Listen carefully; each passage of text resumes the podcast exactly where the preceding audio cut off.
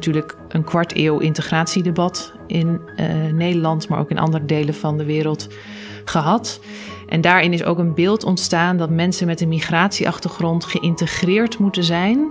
En dat is iets dat hen ook persoonlijk kan lukken. En dat betekent dat ze bijvoorbeeld een echte Nederlander zijn geworden. Vanuit mijn analyse gezien zit eigenlijk het probleem al in het woord inburgeren. Dus dat is inderdaad, je hebt mensen die zijn nog geen burger. Die gaan dan een soort van inburgeringsproces door. En dan worden ze op miraculeuze wijze ineens burger.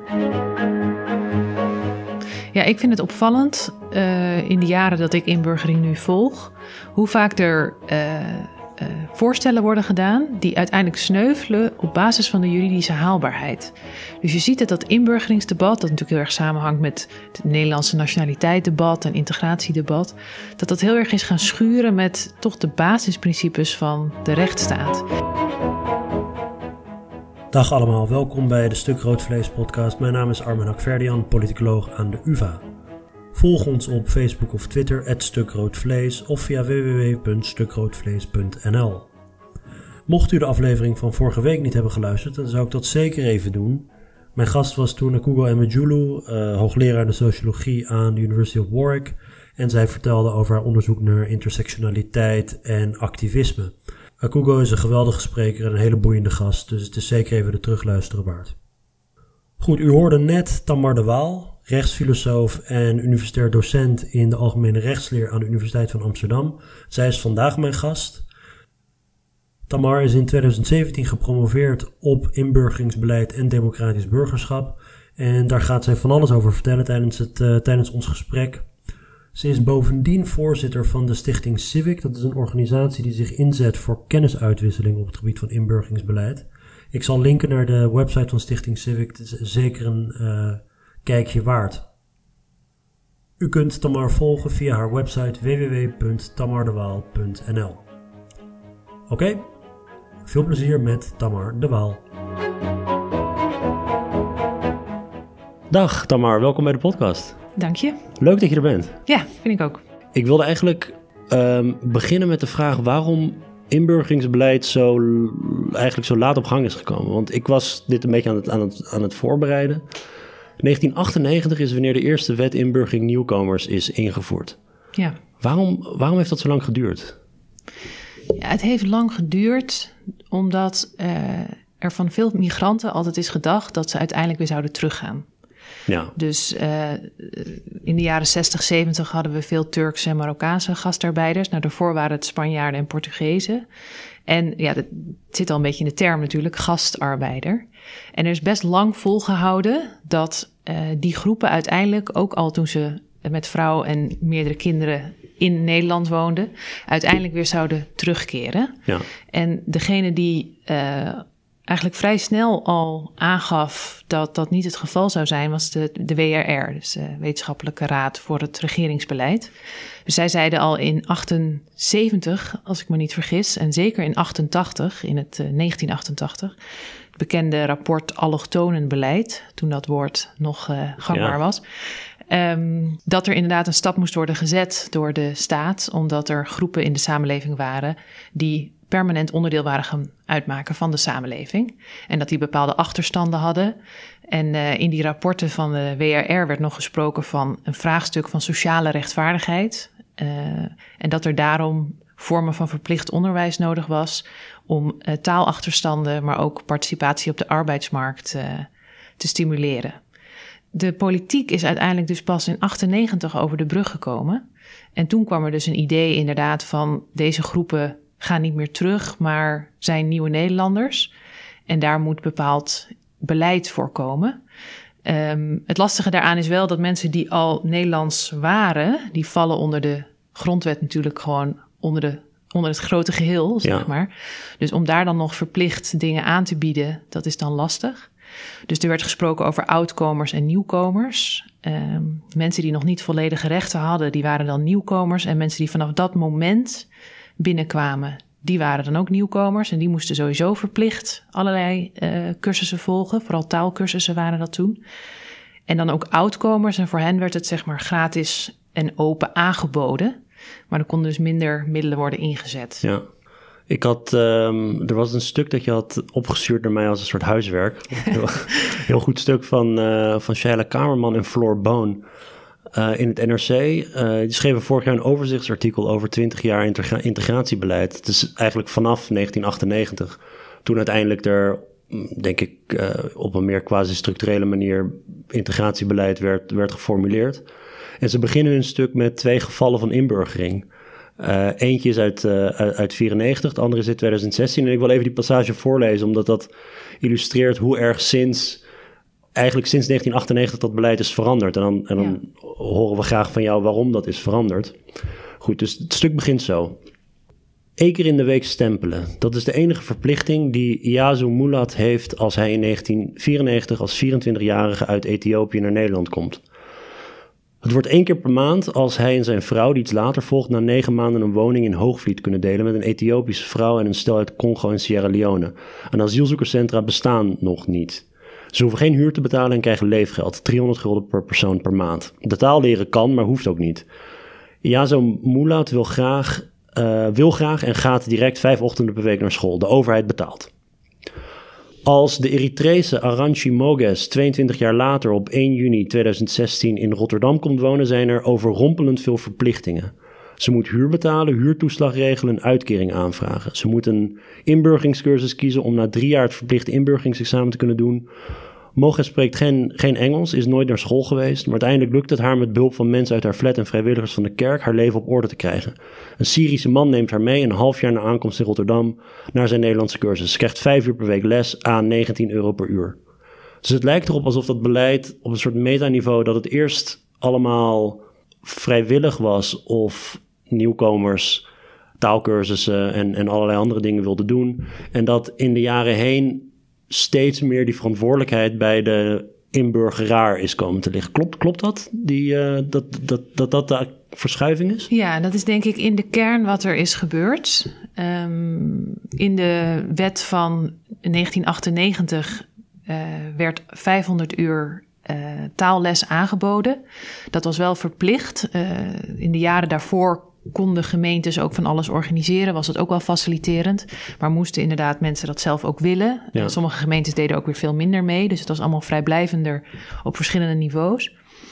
Um, maar als je kijkt naar de wetgeving van 1998 en dan naar de wetgeving nu, dus een dikke twintig jaar later, dan uh, heb ik in mijn proefschrift laten zien dat het beleid, als je alles meetelt, dus uh, nieuwe verplichtingen erbij, uh, meer kosten, uh, hoger taalniveau, meer ja. examens, is het dus in dik 20 jaar ook 20 keer gewijzigd. 20 keer in 20? Ja, dus eigenlijk ieder jaar is er wel weer, en dat zijn soms kleine dingen, zoals eerst was de inburgeringstermijn 3,5 jaar, dat werd op een gegeven moment drie jaar.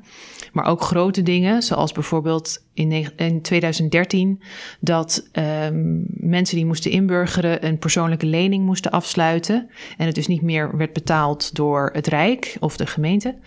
Um, maar dat ze het zelf moesten betalen via een duo-lening. Uh, dus er zijn allerlei soorten uh, wijzigingen die ik heb uh, meegenomen. Maar in ieder geval, het is ontzettend vaak gewijzigd. En het was altijd een vereiste extra geweest en iets dat de uh, nieuwkomer, zo noem je dat ook juridisch, uh, zelf moest regelen of halen of betalen. Dus uh, je zou kunnen zeggen dat het eerst werd um, gezien als een maatschappelijke taak. Uh, dat zie je ook in bijvoorbeeld de terminologie van de WRR en de documenten, de, de memorie van toelichting bijvoorbeeld, van, van de wetgeving uit die tijd. Terwijl later, bijvoorbeeld in 2007, was er een integratienota en die had als titel Zorg dat je erbij hoort met een uitroepteken. En ook uh, in 2007. Uitroep, okay, uitroepteken. Ook in, caps lock? Oh, oh, geen caps lock. dat, dat nog net niet. Nee. Um, en uh, na de, uh, de uh, migratiecrisis in 2015 was er bijvoorbeeld ook een integratienota met de titel Blijven is meedoen. Dus het idee was, mensen moesten op een bepaalde manier slagen door mee te doen. Uh, en dat is dan een soort van manier om te verzekeren dat je mag blijven. Nou, er zitten heel veel haken en ogen aan, maar om even de, de ja. algemene lijn uh, te schetsen. En um, tot op zekere hoogte is die ontwikkeling uh, ook te zien in andere delen van de welvaartsstaat. Dus uh, sommige onderzoekers noemen dat neoliberaal beleid. Dus dat mensen uh, steeds meer verantwoordelijk worden geacht voor hun eigen succes en participatie. Ja. En dat de, wat de overheid doet vooral straffen is. Dat dat een, een manier ja. is om mensen in beweging te krijgen. Dus dat is denk ik één kant van het verhaal, maar die werk ik in mijn onderzoek niet zo uit. wat ik meer heb uitgewerkt is dat er ook nou ja, we hebben natuurlijk een kwart eeuw integratiedebat in Nederland, maar ook in andere delen van de wereld gehad. En daarin is ook een beeld ontstaan dat mensen met een migratieachtergrond geïntegreerd moeten zijn. En dat is iets dat hen ook persoonlijk kan lukken. Um, en dat betekent dat ze bijvoorbeeld een echte Nederlander zijn geworden. Dus als je zegt Mohammed is goed geïntegreerd, bijvoorbeeld omdat hij van kroketjes houdt of hoge cijfers op school haalt, ja. dan betekent dat Mohammed hoort echt bij ons. Terwijl als Mohammed misschien um, ja, van, van school is getrapt en uh, niets moet hebben van Nederlands eten, kunnen we zeggen Mohammed is niet zo goed geïntegreerd. En dat betekent ook dat hij op een symbolische wijze, want hij is wel gewoon aanwezig in de samenleving, maar dat hij buiten de samenleving staat als niet echt Nederlands. En mijn argument... En het is zijn schuld dat hij er niet bij is. En dat, hij heeft gewoon niet zijn best gedaan. Dus het is ook niet echt iets waar andere mensen iets aan kunnen doen. Want Mohammed moet van kroketjes houden, om even een beetje een simpel voorbeeld te gebruiken. Um, maar het is op het moment dat er een integratieprobleem is, uh, in, de, in dat idee van dat individuen dat zouden moeten doen, dan is dat ook iets dat per definitie buiten de samenleving plaatsvindt. Want de kwalificatie een integratieprobleem betekent niet ons probleem, maar zijn of haar integratieprobleem. Dus je, je, eigenlijk doordat iemand niet geïntegreerd is, valt bijna de publieke taak weg. Ja, het wordt nu al heel meta meteen. Nee, maar dat is wel de verschuiving die je ziet. Meta mag, we zijn niet bang voor. ja. zijn niet bang voor. Uh, de, want het, het, raakt wel een beetje aan de kern van de zaak. Van wat, waar moet je je dan aan aanpassen als nieuwkomer? Uh, als het begon met verplichte taallessen, dan zou je kunnen denken, ja, dat is puur instrumenteel. Je moet, je moet, je moet een baan kunnen vinden. En als je, een, als je de taal spreekt, dan kun je beter een baan vinden. En dat is, uh, op die manier kun je via werk kun je integreren. En, uh, en bovendien ook een, ook, ook een dak boven je hoofd betalen en, en noem maar op. Maar integreren in de cultuur, dat is weer meteen. dan krijg je allerlei vragen van, ja, wat is dan dat Nederlanderschap? Ja, nou ja, ik denk dus dat je daar uiteindelijk niet uitkomt. Um, en het interessante is als je academische studies bekijkt over integratie. In de Engelstalige literatuur is dat meestal integration. Dus inburgeren is overigens ook echt een heel Nederlands woord. Um, dan zie je dat de meeste uh, auteurs, of het nou politicologen of juristen zijn, die vinden dat op zichzelf eigenlijk heel redelijk. Namelijk, je komt in een nieuw land en het is eigenlijk alleen maar heel goed op het moment dat je de taal leert en als je iets leert over de maatschappij. En uh, klassieke immigratielanden zoals Canada of Amerika, die doen dat ook. En uh, het is misschien ook een manier om mensen wegwijs te maken en ook zich thuis te laten voelen. Uh, nou ja, misschien een leuke naturalisatieceremonie. Dat is het moment dat je het burgerschap krijgt. Misschien voelen mensen zich dan ook erkend als Daar nieuwe inwoner. Daar heb ik zo nog wel een anekdote over. ja, nou, in theorie zou het misschien op een inclusieve wijze kunnen gebeuren, ja. die voor ja. alle partijen goed uitpakt. Dus een pertinente afwijzing van alle vormen van dit soort beleid, dat vind je eigenlijk niet zo heel snel. Maar ik denk zelf dat het altijd gekoppeld gaat met een risico dat het wordt ingevuld op een manier dat het inderdaad grenzen tussen ons en hen gaat bevestigen. En dat er een beeld wordt geschapen van er is een geïntegreerd wij, dat dan een hele ideale uh, variant krijgt. Dus inderdaad, waar iedereen zijn school afmaakt. Want dat is immers de standaard om bij de geïntegreerde samenleving te komen. Uh, en waarschijnlijk iedereen liberaal-democratisch is. Uh, ja, precies. Iedereen is pro-homo, iedereen is pro-vrouw. Ja. Foutloos Nederlands. Ja. Dat is het beeld waaraan de nieuwkomer zich moet Ja, precies. Dus dat heeft meten. socioloog Willem Schinkel ook de gedroomde samenleving genoemd. ja, en, maar ik denk dus dat daar een heel groot risico is dat dat met elkaar wordt verbonden. En dan zie je dat dat beleid er heel erg voor gaat zorgen, niet van wat zijn praktisch de, de, de kennis of uh, de netwerken misschien die nieuwe mensen nodig hebben in de, in de samenleving, maar hoe testen we of individuen het gelukt is om een echte Nederlander te worden? En dat is een soort van zwart gat, volgens mij, waar je dus eindeloos uh, uh, dingen in kunt blijven gooien. Ja. Dus voordat je het weet, ben je twintig wijzigingen binnen twintig jaar verder. Um, en ook bijvoorbeeld dingen als de taaleis is ontzettend veel omhoog gegaan. Uh, het is nu A2-niveau. Dat is overigens niet eens zo'n heel hoog niveau, maar voor sommige mensen binnen de groep nieuwkomers al een hele klus. Dat wordt zo meteen, komt nieuwe wetgeving, gaan we het vast ook nog over hebben, wordt nog hoger naar B1. Maar ik denk dat dat vanuit dat idee van in Nederland spreken wij Nederlands en daarom moeten nieuwkomers Nederlands leren, heb je eigenlijk geen argument om te zeggen het mag geen B1 worden. Want ja, dat, dat, dat is blijkbaar wat wij van iedereen eisen. Daar kan je ook nog allemaal vraagtekens bij zetten, want uh, laaggeletterdheid in Nederland is best hoog. Ik zag ook laatst een nieuwsuur-uitzending uh, dat het aantal mensen dat uh, laaggeletterd van middelbare scholen komt ook alleen maar toeneemt in Nederland. Hmm. Dus bij eigenlijk alle dingen kun je wel een vraagteken zetten.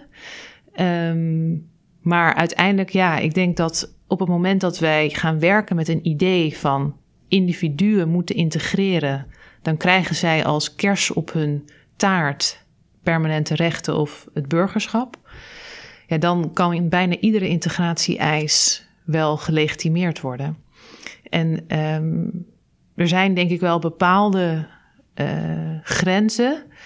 Je ziet bijvoorbeeld dat uh, minister Ascher, toenmalig minister Ascher, die heeft geprobeerd een participatieverklaring in te voeren voor interne EU-migranten. En daarin moesten ze beloven dat ze uh, de kernwaarden van Nederland zouden uitdragen. Nou ja, toen bleek al dat je interne EU-migranten niet kunt verplichten tot iets. Dus dat sneuvelde vrij snel. Vanwege internationale wetgeving? Ja, dat is de, open, nee, de interne EU-migranten, dat is gewoon de interne markt. Dus uh, vrij verkeer van goederen en personen. Dus um, het was een voorstel. Uiteindelijk is het een vrij blijvend voorstel geworden. Dus als je een Roemeen of Pool bent, kun je naar een, uh, de gemeente Amsterdam bijvoorbeeld of een andere gemeente en vrijwillig dat ding tekenen. Maar ik vraag me af hoeveel mensen dat hebben gedaan. Maar in ieder geval, die participatieverklaring is toen als het ware opgepakt en tijdens de uh, migratiecrisis op het inburgeringsbeleid dat al stond voor niet-EU-migranten geplakt. En daarin zie je wel dat daar dus niet meer in staat dat mensen kernwaarden moeten uitdragen, maar dat ze die moeten respecteren. Dus ik denk toch dat er iemand binnen het ministerie is geweest die heeft gezegd: je kunt mensen niet vragen om persoonlijk bepaalde waarden uit te dragen. Dat gaat toch tegen gewetensvrijheid in, bijvoorbeeld. Dus daar zie je dan toch een aarzeling dat er toch iets wordt gedacht van: nou ja, mensen mogen het daar in principe ook mee oneens zijn. Um, maar goed, ja, ik denk dat uiteindelijk inburgeringsvereisten daardoor alleen maar zullen toenemen. Ja. ja. Nog even over die naturalisatieceremonie. Ik ehm, was er afgelopen jaar op de Stopera bij zo'n naturalisatieceremonie. Uh, niet voor mijzelf, maar voor mijn uh, vrouw, die is Duits en die woont hier al twintig jaar. En die uh, dacht, ik wil ook eens een keer stemmen bij de Tweede Kamerverkiezingen. Dus ja. ik, nee goed, ja. dus zij heeft nu de Nederlandse nationaliteit en als onderdeel daarvan gingen we naar de Stopera voor die ceremonie. En daar waren allerlei andere mensen die ook werden genaturaliseerd. Ja, het eerste is trouwens, uh, als je daar binnenkomt en je ziet eruit als, uh, als mij, uh, met een blonde vrouw, dan denken mensen dat ik naturaliseer en niet mijn, en niet mijn vrouw. Dus mensen gingen mij feliciteren. Oh ja. De, de ceremonie bestond eruit dat er, een, er stond achter op het bord een, een zin uit de Nederlandse grondwet. Volgens mij um, kan me even niet herinneren welk artikel. Een van de, een van de meest centrale artikelen. Het zou, het zou zelfs artikel 1 kunnen zijn. Uh, en, dat werd, uh, en dat werd voorgelezen. En dan kwam één voor één kwamen de uh, nieuwe Nederlanders kwamen naar voren om dan daarop te zweren of te beloven. Dat kon bij God of dat kon, dat kon ook zonder God. Um, en, en de hele ceremonie stond ook in het teken van dit is wie wij zijn als Nederland. Deze heel heel belangrijke, fundamentele gedachte uit de liberale democratie. Ja. En dat is zo'n zo'n onzin dat dat is wie Nederland is, omdat over die fundamentele grondrechten nu als geen enkel moment dat ik me kan voorstellen, in ieder geval in mijn leven hier, uh, debat is. Ja. En je presenteert naar buiten toe alsof Nederlanders het roerend eens zijn over die grondwettelijke beginselen. En je laat mensen zweren op die grondwettelijke beginselen om erbij te horen. En pas als ze erbij horen, zullen ze merken, ja, nou, eigenlijk, eigenlijk hebben we gewoon iedere dag van de week hebben we gewoon discussie over, uh, over, over godsdienstvrijheid, over non-discriminatiebeginselen en, en noem maar op. Ja. En dus ik ging er echt met een heel dubbel gevoel weg. Ja, en ook zeker de groep zelf vaak. Migranten die genaturaliseerd zijn, die krijgen nog heel vaak inderdaad inderdaad het verwijt bijvoorbeeld dat ze niet geïntegreerd zijn en daarmee mm. geen echte Nederlander zijn. Nou, dat staat al op gespannen voet met dat eerste artikel van de grondwet. Want ik heb mijn paspoort, dus hoezo zou ik geen echte Nederlander zijn? Ja. Ehm, dus inderdaad ook juist in het tumult van het immigratie- en integratiedebat, waarbij ook mensen zonder migratieachtergrond, waar ik dan zelf ook uh, onderdeel van uitmaak, maar ik zie ook dat in die groep um, er heel veel buiten de lijntjes wordt gekleurd inmiddels, als het aankomt op de kernwaarden van Nederland. Dus ja, ik denk zelf dat um, tot op zekere hoogte is, dit soort discussies altijd makkelijk om te zeggen van ja, maar kijk, Nederland heeft ook dit en Nederland heeft ook dat. Dus waarom kunnen we andere mensen de maat nemen? En daar ben ik het tot op zekere hoogte mee eens. Maar ik denk dat je ook altijd moet benadrukken dat die kernwaarden en kennis over die kernwaarden, of bijvoorbeeld de grondwet, bij iedereen in Nederland wel gewenst is. Ja. Dus als je op de middelbare school een burgerschapsvak hebt of andere manieren hebt om daar kennis over te verbreiden, is dat goed. Dus als het in iets van een traject zit voor nieuwe mensen in de samenleving, is dat denk ik ook goed. Nee, absoluut. Dat, Het feit dat iedereen en dat, dat burgerschapsvorming en maatschappijleer en allemaal dat soort aangelegenheden, daar kun je volgens mij niet vroeg genoeg mee beginnen. Uh, het wordt natuurlijk die problematisch op het moment dat je gaat, gaat meten met twee maten in die zin. Dat is meer wat, wat mijn gevoel is in deze. Nee, dat klopt. Uh, op, het moment dat, uh, op het moment dat uit een peiling van Turkse Nederlanders blijkt dat zij, ik zeg maar wat, voor de doodstraf zijn dan wordt er moord en brand geschreeuwd van... oh, dat is wel heel on-Nederlands om voor de doodstraf te zijn. Ja. Um, er zijn best grote groepen in Nederland sowieso voor de doodstraf, in die zin. Ja. En dat, dat hoor je dan niet. Dus op het moment, je kunt, je kunt zeggen... die liberale waarden zijn uh, belangrijk... Uh, gelijkheid, uh, ja, individuele, individuele bescherming en, en ga zo maar door. Um, ik vind het problematisch worden op het moment dat net wordt gedaan alsof dat Nederlandse waarden zijn die, die, die, iedereen in Nederland aandraagt. En grond kunnen zijn om bijvoorbeeld iets als een inburgering niet te halen. Want je had het er net over dat, dat mensen dus nu worden geacht om binnen uh, drie jaar, drieënhalf jaar dat traject af te ronden. Wat is de sanctie als dat niet lukt? het ligt een beetje aan welke groep je bent. Dus het zijn vooral familiemigranten en vluchtelingen. De meeste krijgen overigens uitstel dat ze uh, vijf jaar er dan over mogen doen. Hmm. Ehm, maar dan moet je eigenlijk ook alweer alle examens uh, al twee keer niet gehaald hebben en zoveel uur onderwijs hebben gevolgd. Dus ook om bepaalde uitzonderingen te krijgen, moet je ook weer precies weten waar je mee bezig bent. Um, maar de sanctie is voor vluchtelingen dat ze hun lening niet terugkrijgen. Dus het is in de, onder de huidige wetgeving zo dat als het op tijd afronden, dat ze dan de lening kwijtgescholden krijgen en dat het een gift wordt. Bij familiemigranten wordt het nooit een gift. En ze krijgen boetes. En je hebt ook verschillende dingen. Dus je hebt dat participatieding, wat ik net noemde, participatieverklaring. Maar je hebt ook nog de examens zelf. En dan kan je individueel van elkaar hmm. boetes voor krijgen. En dat, dat, wat zijn dat voor bedragen? Die... Ja, 1250 euro kan. En de lening? Ja, dat is 10.000 euro meestal. Uh, want we kunnen, ja, je kan over heel veel onderdelen van de inburgering uh, heel lang praten. Dus we moeten ook een keuze maken, denk ik. Maar het is ook interessant dat die inburgering in 2013 toen geprivatiseerd is naar de inburger, inburgeraars toe. Daarvoor was al een soort van aanbestedingssysteem met gemeentes. Dat was eigenlijk ook een privatisering. Um, maar toen moesten dus uh, nieuwkomers zelf op een markt van taalscholen gaan uitzoeken waar ze naartoe wilden. Hmm. Maar het interessante aan, het is dus een heel gemankeerde uh, kapitalistische setting. Want alle scholen weten dat iedereen 10.000 euro heeft. Dus ze maken al hun pakketten precies 10.000 euro. Um, ja. dus, dus uiteindelijk, ja, sterker nog, dat, dat bleek ook wel uit het artikel waar je net uh, citeerde. Uh, ze moeten eigenlijk heel veel geld betalen voor relatief weinig les. Uh, dus ze krijgen soms een twee ochtenden per week les of zo. En dan zitten ze nog op uh, duizenden euro's per half jaar. Dus het is een heel duur systeem uiteindelijk ook, waarin de kwaliteit van het onderwijs niet per se gewaarborgd is. Ja. De Algemene Rekenkamer die was daar ook vernietigend over. Ja. Over dat aspect uh, dat die inburgeringsmarkt zo is geprivatiseerd en dat de inburgeraar verantwoordelijk is gemaakt voor de eigen inburgering met alle gevolgen van dien. Um, maar welke diensten zijn uh, concreet geprivatiseerd? Zijn dat die taallessen vooral? Of hoe? Je kunt op cursus gaan, net zoals je bijvoorbeeld voor je CITO uh, een, een, een bijles kunt volgen. Of hoe werkt dat precies? Ja, dus er zijn een, een, uh, taalscholen. En eerst moesten die dus via gemeentes de taalschool worden waar mensen naartoe konden. Ja. Die moesten dat zelf gaan aanbieden. Uh, en er is ook een keurmerk, dat heet Blik op, op Werk. Blik op Werk. Dat is altijd een beetje een vreemde naam, heb ik dat gevonden. Maar dat is zelf ook weer geprivatiseerd. En de examens worden ook weer gemaakt door een uh, bedrijf. Dus het is eigenlijk volledig losgelaten. Um, maar dat die. Uh, wordt, wordt er op de een of andere manier door de overheid. Wordt die markt gereguleerd? Of wordt die Wordt er gekeken welke van die taallessen bijvoorbeeld goed of slecht zijn? Of is er een inspectie? Of... Nee, dat is dus veel minder goed geregeld bij gewoon, gewoon onderwijs. Dus de onderwijsinspectie zit daar niet op. Uh, je hebt dus wel het keurmerk Blik op Werk, maar die heeft dus lange tijd alleen maar gekeken naar meer de bureaucratische kant van de taalschool. Dus of de balans goed was en dat soort dingen. Ja. Uh, zij hebben nu wel sinds kort een soort van recht om onaangekondigd bij lessen te gaan kijken, maar dat is echt heel recent. Dus jarenlang was dat eigenlijk niet. Ja. Dus um, nou ja, veel onderwijs was ondermaats, maar er zijn ook wel echte uh, situaties van fraude geweest.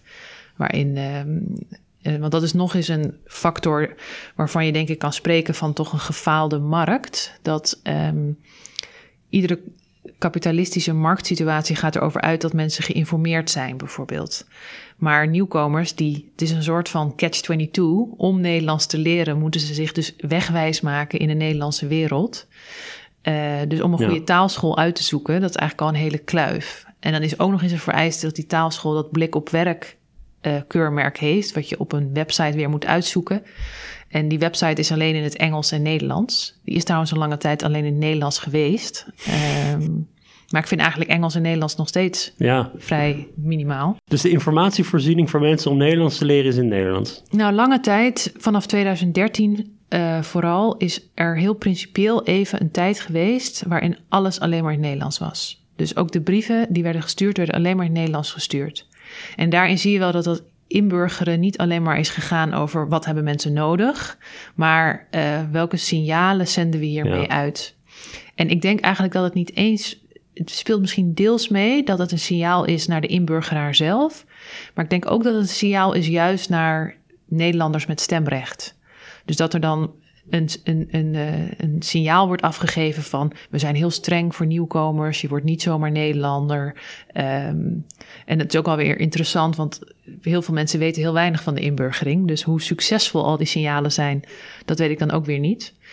Um, maar... Toen het net begon, ik kan me wel herinneren van een, ik weet niet, die, al die tv-programma's van, uh, dus dat die, dat, dat die inburgeringsquizzes en zo. Ja. Gewoon die, dat je, dat je, al die, die vragenlijsten over, uh, je buurvrouw is zwanger, wat doe je dan als Nederlander? En dan kreeg je, dan kreeg je A, B of C, alle antwoorden en zo.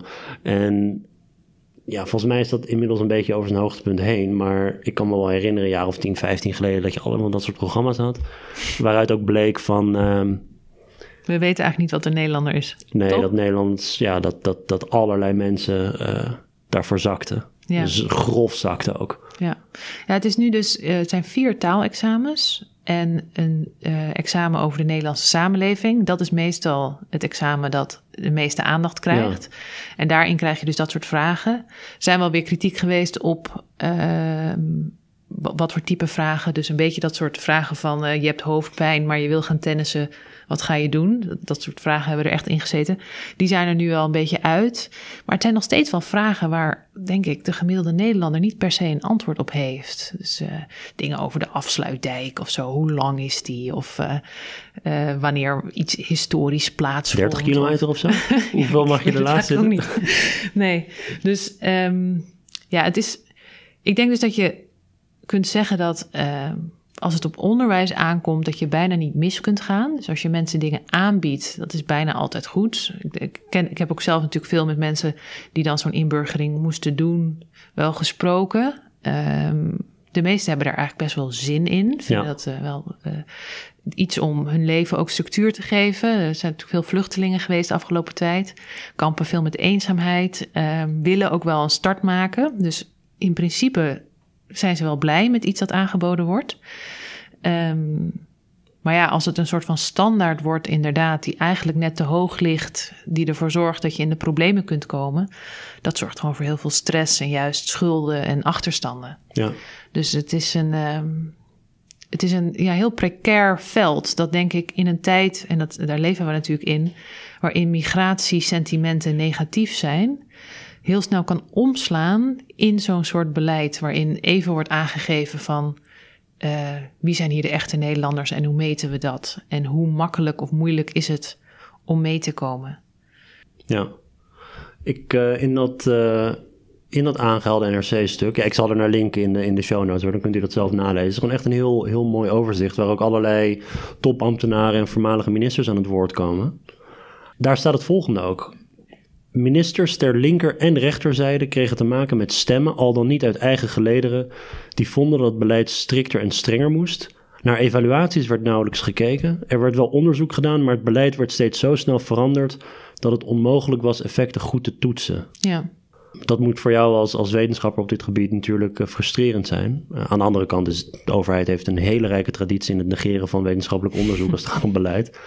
Uh, lijkt wel hoger onderwijsbeleid. Ja. Hoe, um, hoe, hoe, kun je het wel. Dus als jij bijvoorbeeld die, die taaleisen. Uh, wat zegt het wetenschappelijk onderzoek bijvoorbeeld over hoe je dat taalonderwijs moet inrichten? Nou, de, um, er is heel veel onderzoek gedaan naar de effecten van wetgeving omtrent inburgering. Maar het is best wel lastig om daar een algemene les uit te trekken. Hmm. Er zijn altijd wel meteorologisch causaliteitsvraagstukken. Dus uh, bijvoorbeeld uh, de samenstelling van groepen zijn heel anders. Uh, dus het maakt heel erg uit voor wat mensen nodig hebben, wat hun achtergrond is. Uit welk land komen ze, wat is hun opleidingsniveau, is ook heel relevant. Welke talen spreken ze al. Ja. Um, dus het is moeilijk om te zeggen, ja, daar is iets geprobeerd dat nu voor iedereen altijd werkt. Maar dat is denk ik ook juist de les ik wil net die zeggen, dat is een worden. waardevol inzicht. Ja, dus um, een van de grote fouten in het inburgeringsbeleid in Nederland... maar er is overigens net ook een hele grote evaluatie in Frankrijk geweest... met uh, ongeveer dezelfde uitkomsten... is dat er veel te veel wordt gewerkt alsof um, de groep inburgeraars een homogene groep is. Ja. Terwijl de diversiteit in die groep heel groot... Ja, het, het, zijn net mensen natuurlijk. Dus ja. uh, uh, hele, heel veel diversiteit... En um, uiteindelijk zul je dus afgestemd op de vermogens van mensen, uh, en dan bedoel ik, uh, maar eigenlijk niet alleen het, het, het de opleidingsniveau, maar ook misschien de persoonlijke doelen. Dus um, het interessante is dat zelfredzaamheid op dit moment het, het, hoofdwoord is in de huidige inburgering, dat mensen het allemaal zelf moeten doen. Maar ze kunnen het eigenlijk niet zelf bepalen. Dus als mensen zeggen, nou ik wil eigenlijk Engels leren, daar heb ik eigenlijk meer aan, dan mag dat niet, want dan krijg je al die boetes en, uh, en straffen en zo. Dus ik zou eigenlijk veel meer voor een model gaan wanneer er een soort van ja, overleg is tussen ontvangende gemeenten bijvoorbeeld en nieuwkomers. Dat er wordt gekeken wat mensen willen doen, wat ze willen bereiken, um, wat ze nodig hebben om verder ja. te komen. En dan toch per persoon een plan wordt gemaakt over hoe dat kan. En in mijn proefschrift trek ik uiteindelijk de conclusie dat inburgeringsbeleid helemaal moet worden losgekoppeld van integratiebeleid. Dus het idee dat er nu achter zit, is dat mensen dat moeten halen, omdat ze dan hun rechten krijgen. Maar dat idee maakt het dus een soort van selectiemechanisme van de gelukte inburgeraars. En dat verstoort denk ik helemaal onze creativiteit en openheid over wat het eigenlijk is. Mensen komen aan, blijven waarschijnlijk. Wat ga je met die mensen doen? Dat is eigenlijk de vraag die je moet stellen. Uh, waar zit hem het kernverschil tussen inburgering en integratie?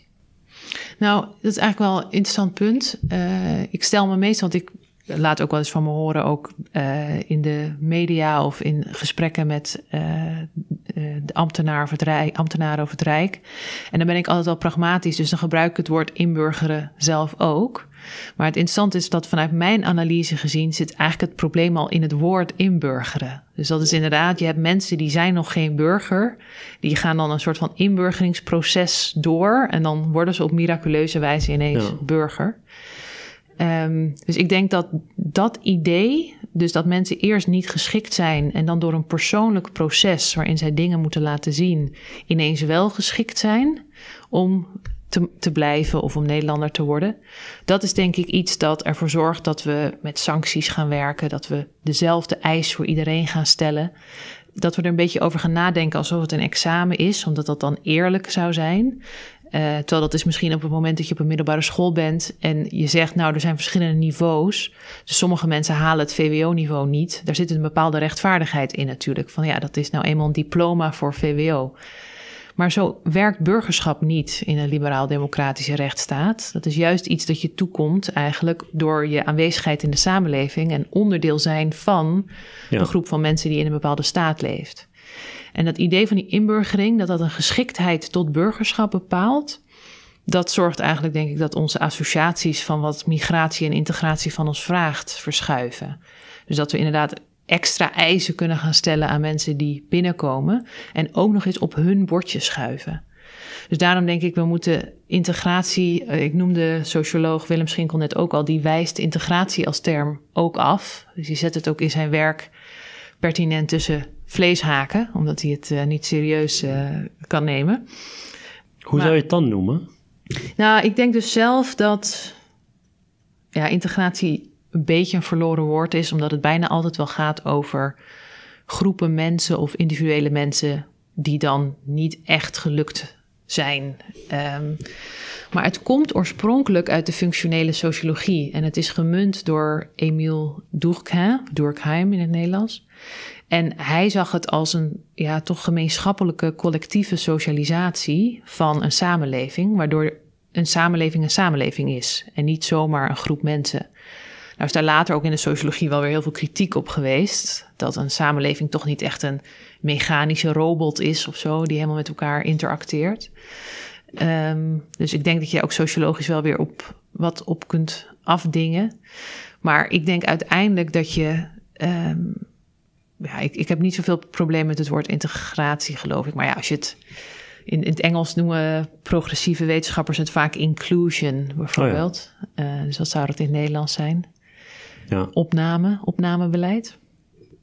Dat zou kunnen, maar opname is ook een beetje medisch. Natuurlijk. Opname is medisch. Ja. maar goed, ja.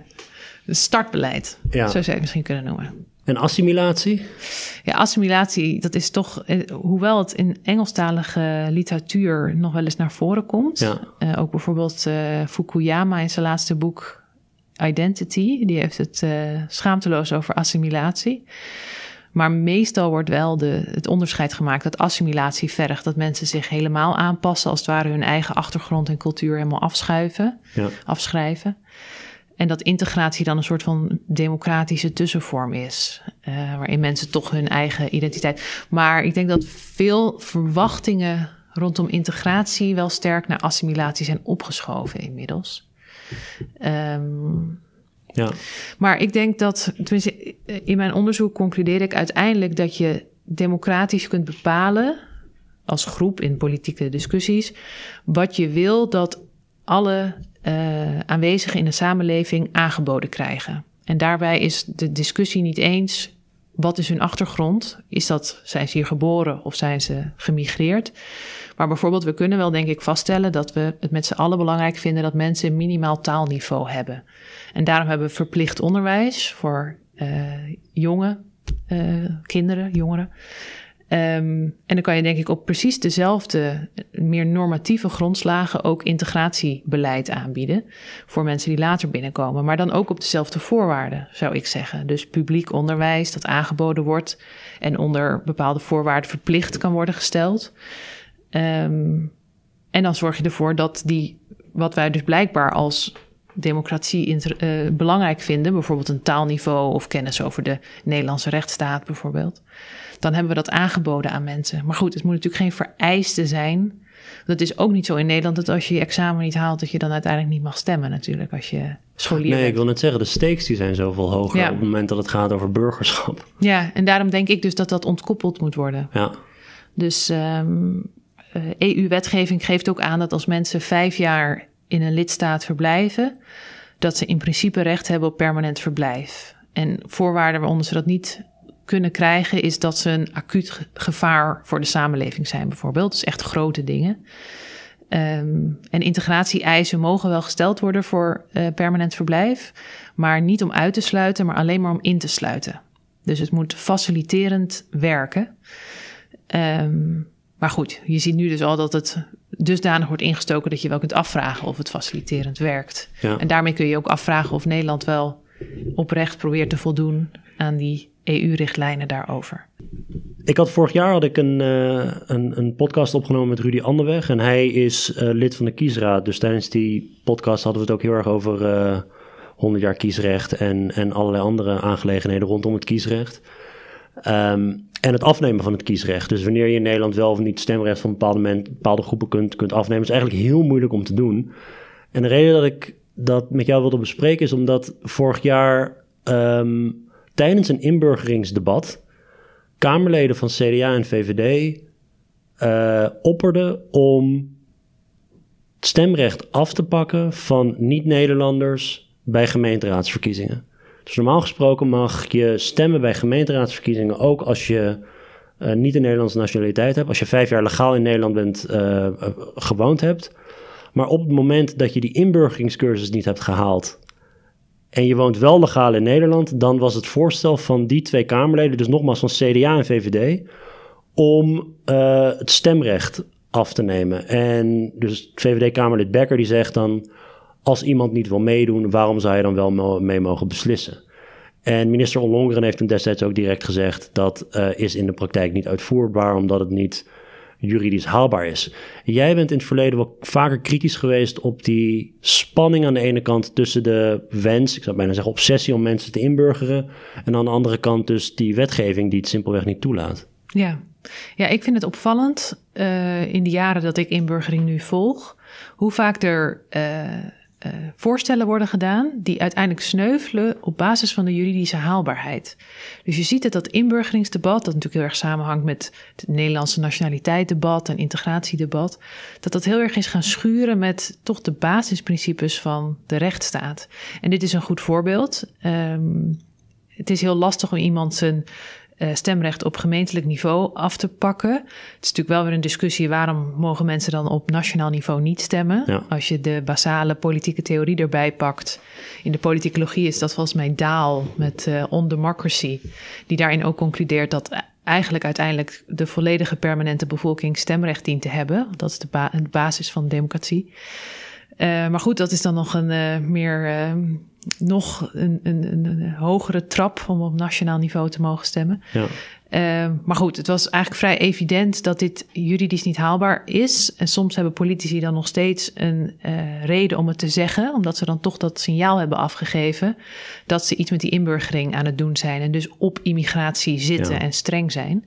Andere voorbeelden zijn Maar het is dat. pure, sorry dat ik je onderbreek, maar het is pure symboolpolitiek natuurlijk. Ja. En aan de andere kant, wat mij zo ontzettend hieraan stoort, is die, is die kronkel, die gedachtenkronkel van oké, mensen onderschrijven niet de grondbeginselen van de liberale democratie. Dus wat wij gaan doen, is die liberale democratie overtreden om hen weer tot de orde te roepen. Ja, ja, andere voorbeelden die ik dus heb gezien is dat um, er zijn heel veel partijen die altijd de suggestie zijn blijven wekken dat op het moment dat mensen hun inburgering niet haalden, dat ze konden worden uitgezet. Ja. Dat heeft ook twee keer in het regeerakkoord gestaan, dus bij Rutte 1 en 2, dat dat een van de plannen waren die het kabinet wilde gaan uitvoeren. Zelfs bij Rutte 2, waar Ja. de Partij van de Arbeid de handtekening onder Ja, ja, dus het is eigenlijk in het regeerakkoord gekomen uh, door de PVV. Die heeft toen de paragraaf asiel en inburgering gevraagd en gekregen. Uh, en dat is blijven staan. En je ziet ook dat middenpartijen, waaronder de VVD, ook wel heel snel dat soort uitgangspunten hebben overgenomen. Dus uh, dat is toch, denk ik, van toch de anti-migratietak van de politiek geïntroduceerd en daarna meer mainstream geworden. Het interessante is ook dat uh, je hebt ook een inburgering examen buitenland. Dat heb ik nog niet expliciet genoemd, maar dat is voor familiemigranten. En dat is voordat ze kunnen migreren, moeten ze in de ambassade van hun thuisland ook een examen maken. Um, ook deze examens mogen niet uitsluiten, juridisch gezien. Dus ze moeten een insluitend effect hebben. Dus mensen al een beetje op gang helpen met de Nederlandse taal. Nou, het blijkt praktisch dat ze wel uitsluitend zijn. Um, uh, en je ziet ook dat toen die werden ingevoerd, dat die in de Tweede Kamer zijn verdedigd met het idee dat de niet geïntegreerden buiten de deur werden gehaald. En Nederland is ook uiteindelijk door het uh, Europees Hof op de vingers getikt dat dat dus uitsluit, die inburgeringsexamens buitenland, terwijl dat eigenlijk niet mag. Dus daar zie je ook dat Nederland dus toch die grenzen opzoekt, terwijl het vrij evident is dat dat niet mag. Uh, nou ja, de participatieverklaring noemde ik al net. Je vraagt toch een extra eis waarin je mensen laat verklaren dat ze zich gaan inzetten voor de samenleving, die je niet aan burgers um, uh, vraagt. Nou, ik zou nog wel eens een rechter daarover willen horen. Uh, zou nog wel een interessante zaak kunnen zijn. Dus ja, je ziet um, dat op het moment dat het over die inburgering gaat. Ik denk uiteindelijk wel dat je hem twee kanten op kunt buigen. Ik ben zelf ook meer van de lijn die jij kiest. Dat uh, de juridische haalbaarheid is zo uh, lastig dat het eigenlijk al geen zin heeft om het in te voeren. En dan wil je het toch nog doen, terwijl je het eigenlijk zegt dat je het voor de rechtsstaat doet. Er zit natuurlijk heel paradoxaals in. Je zou ook kunnen zeggen dat deze thema's rondom migratie zo zijn gedepolitiseerd, onder andere door de EU. Het is vaak EU-wetgeving die het voorkomt. Terwijl daar misschien toch nog discussie over gevoerd wil, uh, blijkbaar nog over gevoerd moet worden of zo. Dus je hebt ook wel mensen die denken van ja, nou ja, als dat dan niet kan, dan moeten we dat maar weer wijzigen. Ja. Uh, dus dat is natuurlijk wel een andere kaart die je op tafel kunt leggen.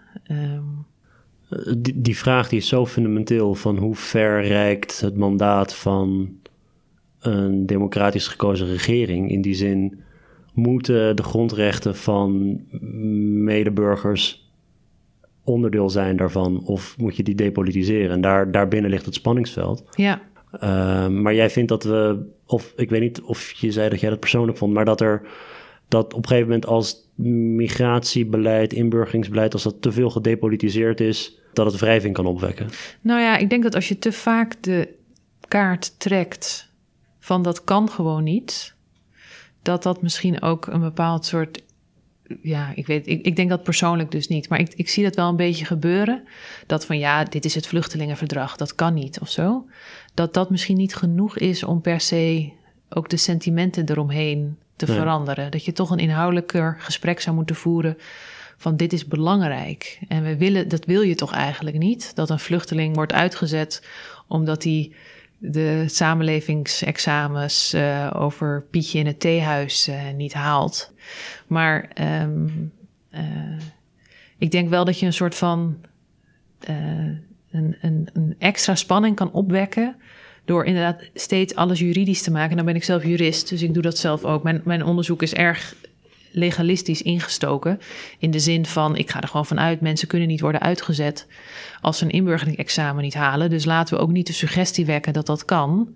Want dat laat ook al meteen aan het begin zien dat mensen aan hun lot overlaten en later een boete geven waarschijnlijk voor niemand de beste uitkomst is. Ja. Um, maar je zou natuurlijk, zeker vanuit meer politieke theorie gedacht, die mensen zijn nog geen burger. Dus hebben ze wel dezelfde rechten? Of kan een land, voordat het mensen toelaat, nog iets vragen of zo? Er zijn op zich filosofen die daar natuurlijk over nadenken.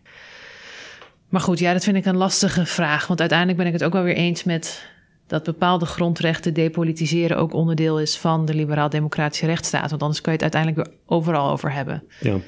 Misschien kunnen we het uh, even terugvoeren op het, op het beleid en de manier waarop je dat ook in uh, de stichting uh, Civic hebt vormgegeven. Dus jij bent begonnen met een stichting, de stichting Civic, die eigenlijk tot doelstelling ook heeft om die hele feitenvrije discussie rondom inburgeringsbeleid, om daar tegenwicht tegen te bieden. Ja. En ik heb het gevoel, voordat we over die, over die stichting praten, dat heel veel van het debat zo ideologisch ingestoken is.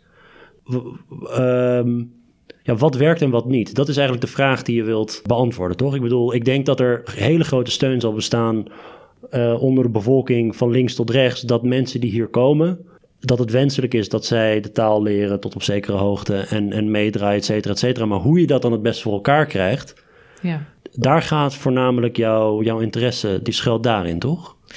Ja. Met die nou, stichting? Met die stichting in ieder geval. Ik denk dat zelf academisch misschien het meer praktische niet mijn kerninteresse uh, heeft. Maar ik had dus die jaren onderzoek gedaan voor mijn proefschrift en ik was eigenlijk gewoon verbaasd over hoe slecht dat geregeld is.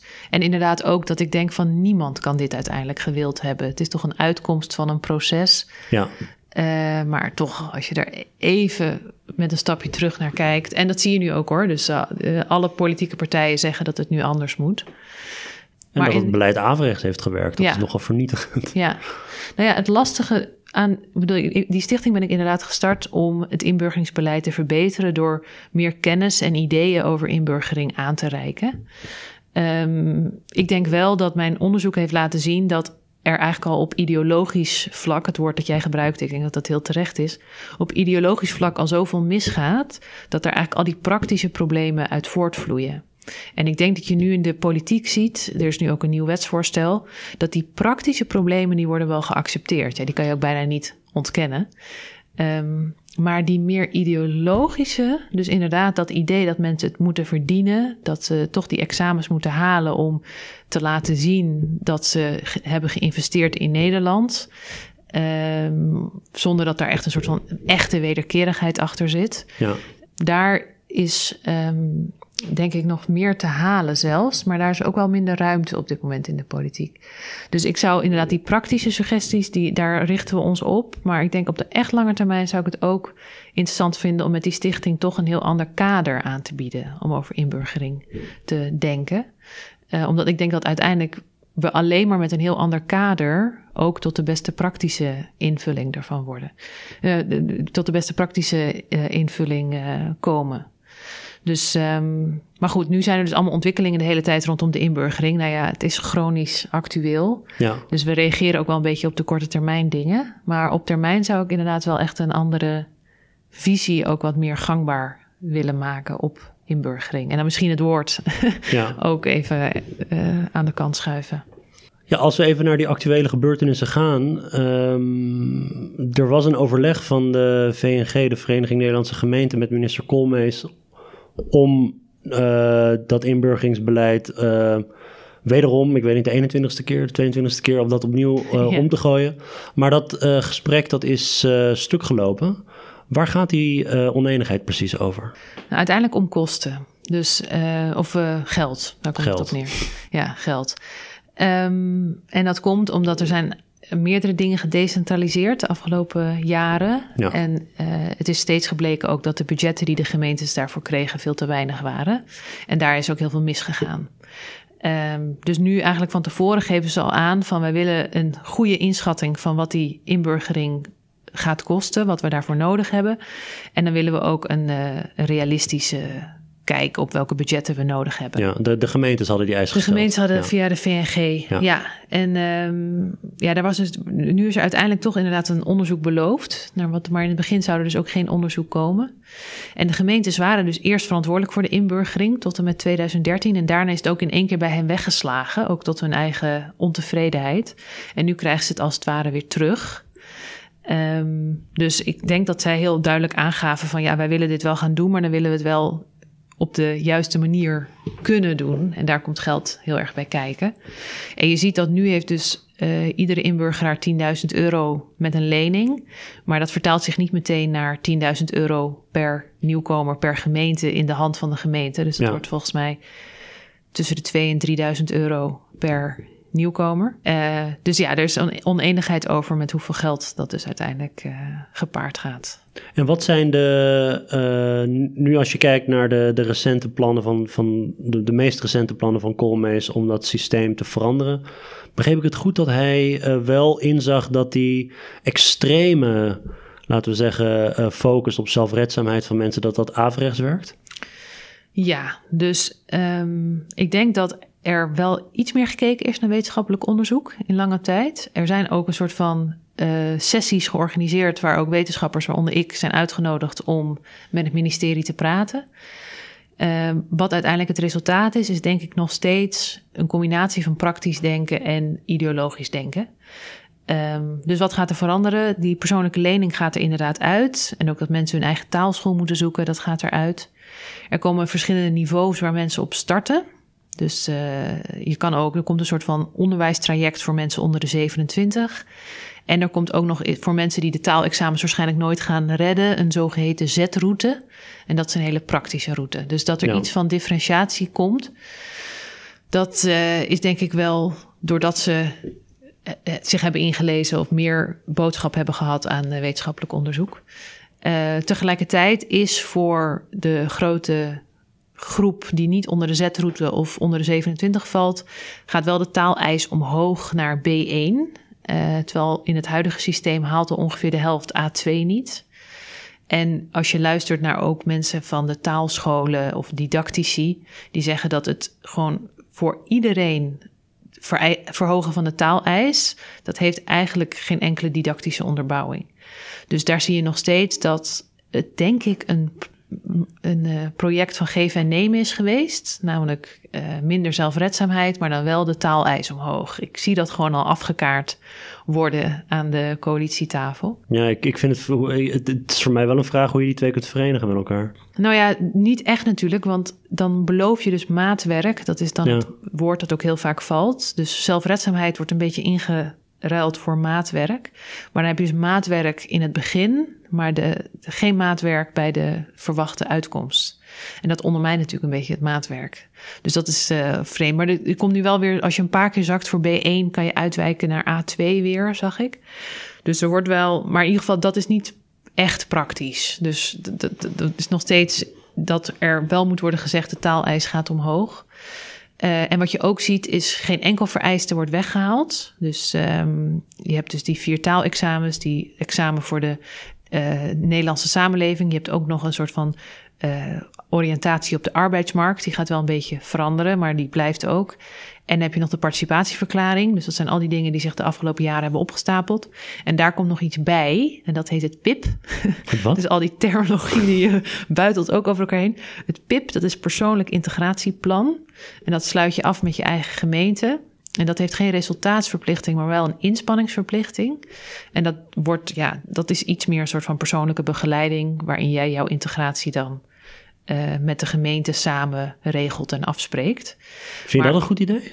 Nou ja, um, ik denk op zich dat als er een soort van gesprekken zijn met mensen die daar veel van weten, of dat nou mensen van de gemeente zijn of daarbuiten, dat, dat is denk ik wel goed. Dus ook een beetje persoonlijk contact, want daar mist het natuurlijk heel erg aan de afgelopen jaren.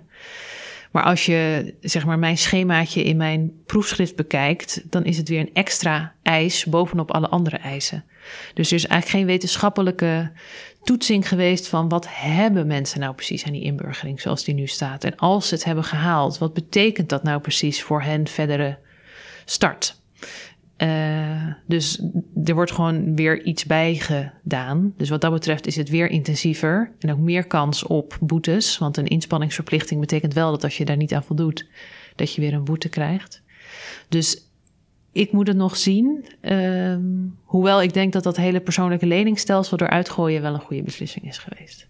Ja, want in het huidige systeem krijg je dus mensen die sowieso in hele precaire situaties zitten, die dus um, uiteindelijk met, met grote schulden achterblijven. Ja, en het, uh, het uh, schrijnende daaraan is natuurlijk dat je ziet dat de mensen die misschien het meeste eraan zouden kunnen hebben, namelijk mensen die zwaar getraumatiseerd zijn, mensen die laaggeletterd zijn, uh, mensen die ook in een gezinssituatie zitten waarin zij achtergesteld worden, dus bijvoorbeeld vrouwen in hele conservatieve huwelijken, dat zijn juist de mensen die die examens niet halen of niet goed dat onderwijs kunnen regelen of uitzoeken. Dus juist ook de groepen van wie je denkt, nou, daar zou de staat nog echt iets voor kunnen betekenen. Dat zijn juist degenen die uh, meer in de problemen komen door het beleid. Dus uh, ik denk ook dat je kunt zeggen, want je moet misschien soms ook een beetje afstemmen op je publiek. Uh, ik denk dat op zichzelf dit verhaal al heel veel mensen overtuigt van ja, zo moeten we het evident niet doen. Maar mensen die misschien minder met hun hart erin zitten, maar meer vanuit een economisch perspectief is dit ook helemaal niet het meest eh, handige beleid. Je laat mensen jarenlang een beetje aanmodderen. Uiteindelijk vraag je dan die lening terug, in het geval bij vluchtelingen. Maar ja, als ze die inburgering niet hebben gehaald, zullen ze ook niet waarschijnlijk een baan hebben. Dus die, die, die, die leningen krijg je ook waarschijnlijk niet terug. En dan ook nog eens de maatschappelijke kosten, als je het zo wil noemen, van op de langere termijn zulk slecht beleid hebben. Dat zou ook nog best wel uh, in de cijfers kunnen lopen. Ja. Dus um, ja, ik ben zelf dus wel van uh, goed investeren in het begin, om het even economisch te zeggen. Dus proactief mensen op weg helpen. Dat is denk ik vanuit heel veel uh, perspectieven ja. uiteindelijk veel beter. Ja, ik, ik keer steeds terug op dat waar je mee begon over die, um, Ja, je hebt, je hebt dat, dat het misschien, het is evident die, dat, die, dat die verschuiving vanaf 98 naar nu, of uh, eigenlijk pre-98, en dan dat, dat van um, het is uh, de verantwoordelijkheid nu van de inburgeraar, dat dat een breder patroon is in de samenleving. Uh, zeker wat de overheid betreft van um, ja, die afschuwelijke participatiesamenleving. Ja. Van uh, zoek het maar uit. De staat die trekt zijn handen af, of de overheid trekt de handen af van de burger. En uh, als je het haalt, dan heb je het goed gedaan en dan krijg je een pluim. En dan is het ook op je eigen verdiensten natuurlijk dat je het hebt gehaald. Maar de overheid die, die, die trekt zich terug uit het leven van de burger. Ja. En dat dat dan sommige groepen veel harder raakt dan anderen. Dat zie je natuurlijk met, met, uh, ja, met dit inburgeringsbeleid ook. De mensen in de meest kwetsbare posities, die worden keihard geraakt, geraakt door een terugtredende overheid. Ja. ja, en ik vind dus wel dat, dat terugtreden, dat dat misschien niet helemaal de goede term is. Want er wordt wel teruggetreden in, aan de voorkant. Maar de gevolgen voor als je niet voldoet aan de norm zijn heel hard. Ja. Dus eigenlijk vind ik de overheid haast nog meer domineren op een bepaalde manier. Ja, nee, precies. Ja, het, is, het is niet dat ze de handen af. Uh, nee, het is eerder Nee. dat ze die verantwoordelijkheid compleet verleggen. Ja, en dat is heel disciplinerend juist, ja, denk ik. Ja, precies. Dat zou ik zeggen. uh, het is nu jouw verantwoordelijkheid. Ja. Ja, en, maar ik denk dus wel dat de inburgering nog meer ontspoord is. Hoewel ik niet zeg dat die andere beleidsterreinen, dat het daar goed mee gaat. Maar dat het nog meer ontspoord is, omdat er dus ook nog een sentiment van in- en uitsluiting Ja. ten opzichte van mensen met een migratieachtergrond overheen is komen zit, te zitten. Ja. Ehm, en daarmee zijn denk ik echt dus inderdaad dingen voorgesteld waarvan je denkt, ja, dat gaat toch eigenlijk lijnrecht in tegen bepaalde juridische eh, grondrechten. Ja. Dat zie je denk ik in die andere velden minder. Dus, maar dat is natuurlijk ook weer, denk ik, om dit probleem volledig op te lossen, zullen we haast het hele publieke debat over migratie en mensen met een migratieachtergrond en wie is de echte Nederlander, zoals we het SCP-rapport uh, hebben gezien, dat zou eigenlijk allemaal opengebroken moeten worden om ook die inburgering, denk ik, wat praktischer en opener in te steken. Ja. Maar dat is. Um, ja, ik zie het voorlopig niet gebeuren. Ik weet niet ja. uh, hoe jij daarover denkt. Nee, ik ben daar niet. Ik ben er helaas ben ik daar vrij pessimistisch over. Ja. Uh, nee, dus dat, dat SCP-rapport wat je, wat je net aanhaalt ook, die... Uh, ja, het, het, welke identiteit gaat het hier nou over? Ja. Uh, de, wat hadden ze nou in dat rapport? Je hebt aan de ene kant de symbool-Nederlanders... Je hebt aan de andere kant de... Civiele Nederlanders. De civiele Nederlanders, de symbool-Nederlanders... die denken bij de Nederlandse identiteit aan dingen als... Uh, molens en het Koningshuis en noem maar op. Nou, gewoon de, de, Nederlandse vlag en volkslied en zo. Dan heb je de civiele Nederlanders die denken aan dingen als... Uh, ja... Demonstratievrijheid. Ja, ja. ja, en eigenlijk hele, hele standaard democratische, laten we zeggen, buzzwords. Ja. De, de, de, de uitsluiting die uitgaat van überhaupt dat, dat, dat Nederlanderschap naar mensen die hier al generaties wonen. Ja. Dat zit totaal niet in het rapport. Nee. Nou ja, wat ik ook. Ik heb dus over dit rapport een kort artikeltje in de Groene Amsterdammer van deze week. Wat ik er ook zo vreemd aan vond, was um, dat ze ook. De, de boodschap van het rapport was: we zijn eigenlijk veel eensgezinder dan we denken. Dus er zat ook zo'n idee in van polarisatie valt wel mee, want we zijn het allemaal eens over pakjesavond ja. of zo. Ja. Um, terwijl ik denk dat die eensgezindheid over wat Nederlandsheid is, juist een kiem is van tegenstellingen. Dus juist omdat zoveel mensen daar zo uitsluitend over denken, namelijk de echte Nederlander eet kaas en, en uh, doet aan pakjesavond, daardoor krijg je volgens mij juist heftige reacties, omdat mensen zich uitgesloten voelen. Dus in een democratie is eensgezindheid over Nederlandsheid bijvoorbeeld helemaal niet per se goed. Juist nee. een bepaald soort openheid over Nederlandsheid, dat is volgens mij juist een reden tot minder vre, uh, vrevel, wrijving. Um, dus ik vond ook hun hang naar, nou, wat zijn we het allemaal eens of zo. Dat vond ik ook een beetje zo'n vreemde conclusie. Ook omdat erin stond dat één op de tien Nederlanders het liefst alle moslims uit Nederland, uit Nederland ziet verdwijnen. Dat ik ook denk, nou, ik kan toch bijna niet zeggen van uh, wat een geruststellend rapport is dit. Ja. Tot slot de stichting Civic. Je zei net dat dat onderdeel daarvan was ook om, om, om voorlichting te geven. Kun je een beetje in bredere zin aangeven wat jullie activiteiten zijn en hoe mensen zich eventueel kunnen aansluiten of kunnen bijdragen? Ja, de website is uh, stichtingcivic.nl uh, en de stichting heeft meerdere kanten. we hebben echt een onderzoekskant, verzamelen van sociaal-wetenschappelijk onderzoek naar inburgering en wat werkt of wat de beste manier is om daartegen aan te kijken. Uh, maar daarin zijn we ook altijd op zoek naar verhalen uit de praktijk. Dus uh, mocht je zelf inburgeren of iets voor de inburgering doen of mensen kennen, docent zijn, uh, didacticus, alle kanten van de inburgering zijn relevant.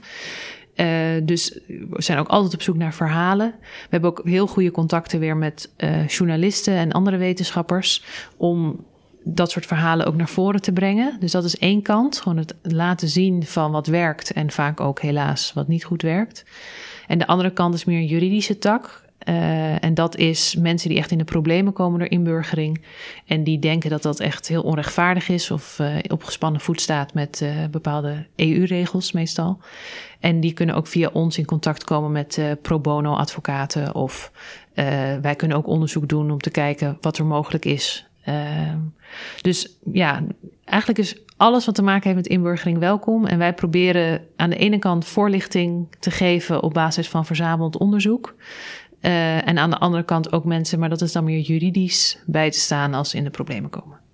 En als mensen jouw eigen onderzoek willen volgen, je zit niet op Twitter, toch? Of wel? Ik zit niet op Twitter. Dus wel, ik vraag me dat wel eens af of ik dat nou? moet doen.